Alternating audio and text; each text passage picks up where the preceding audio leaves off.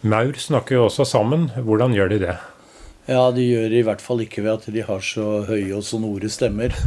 Det tror jeg vi kan si med en gang. Eh, det er beregna at kanskje 70% av kommunikasjonen foregår ved hjelp av kjemisk kommunikasjon, altså f.eks. feromoner.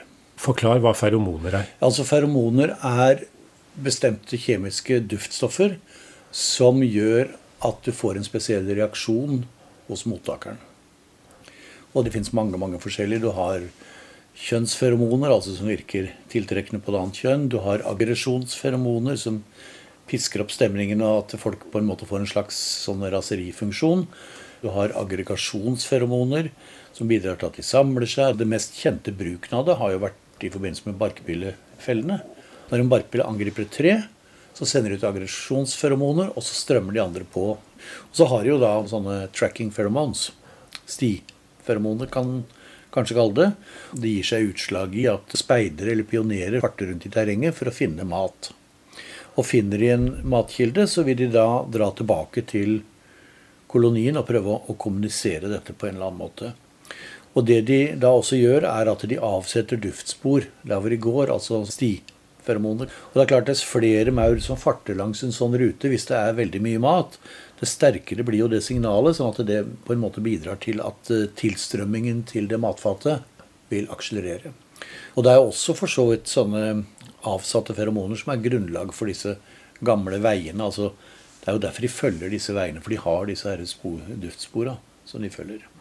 Hvor mange forskjellige beskjeder Det må jo bli litt sånn grove meldinger, dette. Det er, det er ikke fin poesi du kan sende med feromoner? Nei, det tror jeg ikke. Men de har nok sannsynligvis et ganske stort register som de kan kommunisere på.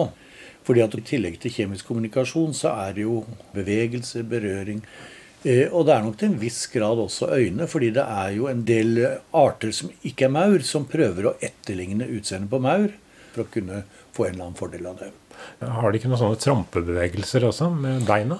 Jo, det, noen arter har nok det. Men eh, jeg tror kanskje at eh, sånn som dette med bruk av følehorn vil være berøringer vil være veldig viktig. Akkurat, så de har følehornspråk. Er ja, de, er de, vil, de, vil, berøre hverandre. Er det veldig mange beskjeder de kan gi deg? Ja, Det kan jeg egentlig ikke svare på. Men det er klart at på følehorna så sitter jo veldig ofte også kjemoreseptorer, altså de som tar imot duftsignalene altså luktesans, på en måte. Og det er klart at det er nok også en veldig viktig del av kommunikasjonen, da. Eh, også direkte på kort avstand. Alle disse forskjellige måtene å snakke på, med luktstoffer, med berøring, med utseende Det må jo bli et ganske komplekst språk som de kan si veldig mye forskjellig. Er det noen som har kartlagt hele maurspråket, hvor mangfoldig det er? Nei, det er ikke kartlagt. Men det viser at mange av disse samfunnene kan ha veldig kompliserte funksjoner. Eh, og det kan også kanskje være noe som knytter seg til at maur faktisk kan ha en viss grad av problemløsning.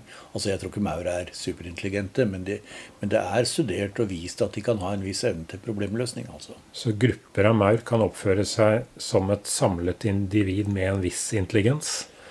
Ja, det er jo en masse individer som på en eller annen måte er koordinert. Og det er jo rimelig å tro at uh, kjemisk kommunikasjon er en viktig del av det grunnlaget. Nesten på samme måte som når hjernecellene i hjernen vår kommuniserer med kjemiske stoffer? da?